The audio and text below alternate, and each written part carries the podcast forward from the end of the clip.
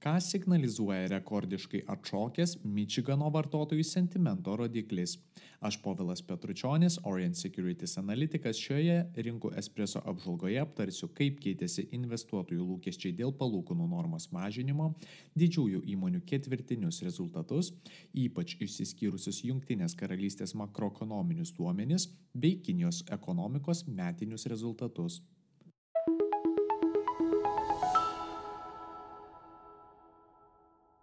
Svarbiausi praėjusios savaitės įvykiai - Junktinės Amerikos valstijos, rekordinis vartotojų sentimento šuolis bei lūkesčių dėl palūkanų mažinimo susitraukimas.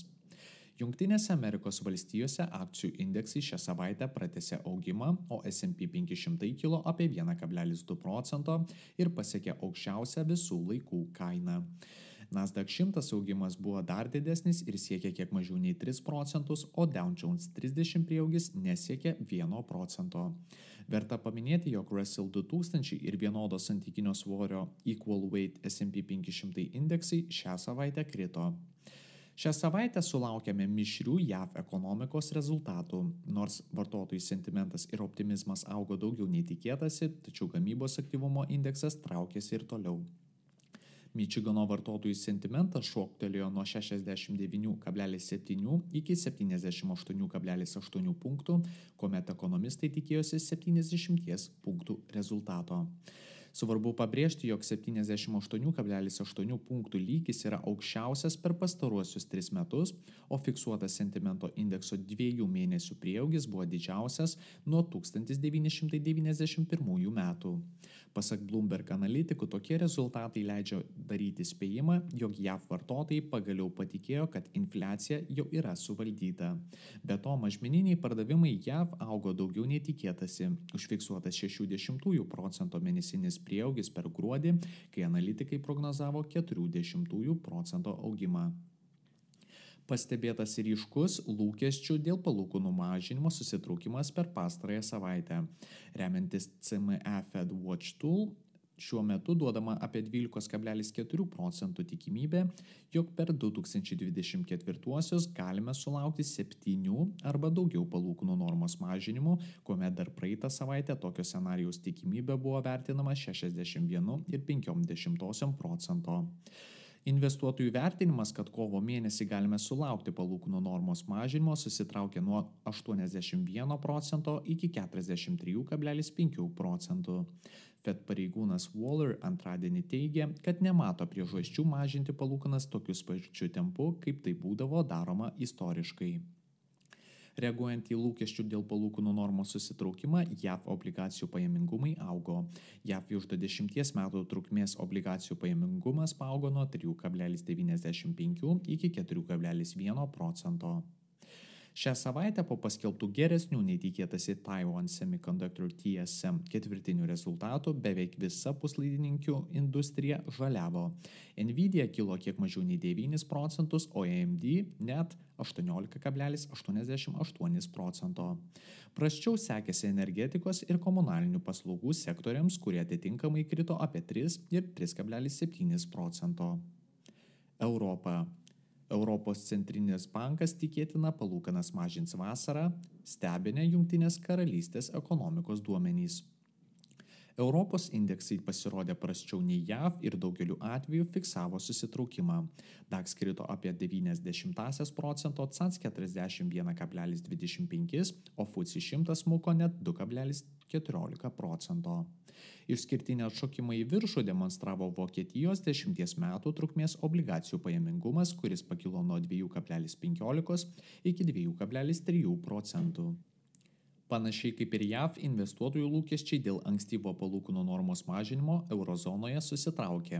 Europos centrinio banko prezidentė Christine Lagarde komentavo, jog tikėtina, kad palūkanų normos bus pradėtos mažinti vasarą, tačiau ne pavasarį, kaip kad tikėjosi dauguma investuotojų. Lagarde kartu su kitais Europos centrinio banko pareigūnais tikisi, kad pavasario pabaigoje sulaukus duomenų dėl algų pokyčio, valdyba galės racionaliai priimti sprendimą dėl palūkanų normos politikos. Vokietija vis dar išgyvena sunku ekonominį laikotarpį, tačiau išvengia techninės recesijos. Šalies BVP per 2023 metus susitraukė 30 procento, tai yra tiek pat kaip ir per pastarąjį ketvirtį. Vokietija išvengia techninės recesijos dėl duomenų pataisimo, apskaitant užpraeito ketvirčio pokytį. Jungtinėje karalystėje investuotojų stebino šią savaitę pasirodę makroekonominiai duomenys. Infliacija augo daugiau nei tikėtasi, algų kilimas lėtėjo, o mažmeniniai pardavimai per gruodį traukėsi daugiau nei 3 procentus. Šalyje pastebėtas vartotojų kainų indekso prieaugis nuo 3,9 iki 4 procentų, tai, yra, tai buvo pirmasis reikšmės paaugimas per pastaruosius 10 mėnesių. Tiesa, infliacija atmetus maisto ir energetikos kainas išliko nepakitusi, tai yra 5,1 procento. Stipriai nustebino 3,2 procentų susitraukę mažmeniniai pardavimai Ekonomistai aiškino, jog prie tokio rezultato galėjo prisidėti tai, kad vartotojai kalėdinės dovanas įsigijo lapkritį, per kurį buvo fiksuotas aukštesnis nei tikėtasi pardavimų kilimas. Europos automobilių pramonė skausmingai išgyveno šią savaitę po pasirodžiusių duomenų apie Azijos automobilių gamintojų pardavimų augimą Europos regione. Volkswagen krito apie 4,5, o BMW apie 4,7 procento. Prastai sekėsi ir Junktinės karalystės bankininkystės sektoriui, HSBC krito apie 3,5, Barclays apie 3,1 procento. Azija. Kritusi infliacija Japonijoje ir lūkesčius atitikęs Kinijos BVP augimas. Azijoje rinkos fiksavo mišrius rezultatus. Japonijos jenai toliau silpnėjant JAV dolerio atžvilgių iki 225 augo apie 1,1 procento. Kinijoje CSI 300 krito apie 1,5 procento, o Hongkongo Hang Seng traukėsi kiek mažiau nei 6 procentus. Japonijos infliacijos atmetus maisto ir energetikos kainas rodiklis šią savaitę pasirodžiusiame pranešime žymima, jog sumažėjo nuo 2,5 iki 2,3 procentų, tai yra žemiausia reikšmė nuo 2022 metų birželio mėnesio. Toks infliacijos augimo tempo lėtėjimas mažina tikimybę, jog Centrinis Japonijos bankas keis savo neigiamų palūkanų normos politiką artimiausių metų. Žinoma, valdyba vis dar atidžiai stebi ir laukia laikotarpio, kuomet dauguma šalies darbuotojų dėrėsis dėl algų pakelimo. Šalies valiuta pasiekė 148 jenų už vieną JAV dolerį lygį. Kinijos rinkos krenta toliau. Pasirodę duomenys žymėjo, jog šalies BVP per metus augo 5,2 procentų ir daugmaž atitiko ekonomistų lūkesčius. Gruodį industrinė produkcija augo daugiau nei tikėtasi, tai yra 5,1 procento. Kita vertus, mažmeniniai pardavimai kilo mažiau nei prognozavo ekonomistai. Be to nekilnojamo turto sektoriaus krizė šalyje tik gilėja. Per gruodį naujų namų kainos krito 40 procento ir fiksavo šeštą išėlės traukimuose mėnesį, pažymėjusi sparčiausią namų kainų nuosmukį per beveik 9 metus. Japonijos automobilių pramonės didieji vardai teigiamai sureagavo į išaugusių pardavimų pranešimus. Toyota kilo apie 4,4 procento, o Subaru apie 1,7 procento. Hongkongo biržoje įspūdingą didesnį nei 14 procentų kritimą patyrė JD.com, o Alibaba smuko apie 7 procentus. Populiariausios savaitės antraštės - didžiųjų įmonių ketvirtiniai rezultatai. Šią savaitę apie geresnius netikėtasi rezultatus pranešė Goldman Sachs, Taiwan Semiconductor, PNC Financial, Prologis, US Bancorp ir Key Corp. Prastesnius netikėtasi Kinder Morgan, Northern Trust, Mišrius, Morgan Stanley, Charles Schwab ir Discover. Kaip visada, ketvirtinių rezultatų skelbimo maratoną pradeda JAV finansų įstaigos. Investuotojai didelį dėmesį skiria įmonių atstovų komentarams ir laukia teigiamų prognozių ateinantiems metams. Kol kas akcijų kaina susiduria su nemažu spaudimu, kai bendrovės pasidalina labiau pesimistinėmis įžvalgomis apie artėjantį laikotarpį. Ateinančios savaitės įvykiai.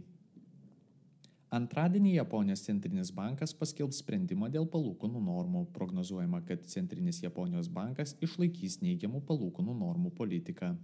Ta pačią dieną sulauksime preliminarių HCOB gamybos pirkimo vadybininkų indekso duomenų iš Vokietijos. Tikimasi, kad indeksas kils nuo 43,3 iki 44 punktų. Ketvirtadienį Europos centrinis bankas praneša apie sprendimą dėl palūkanų normų ir indėlių palūkanų normų.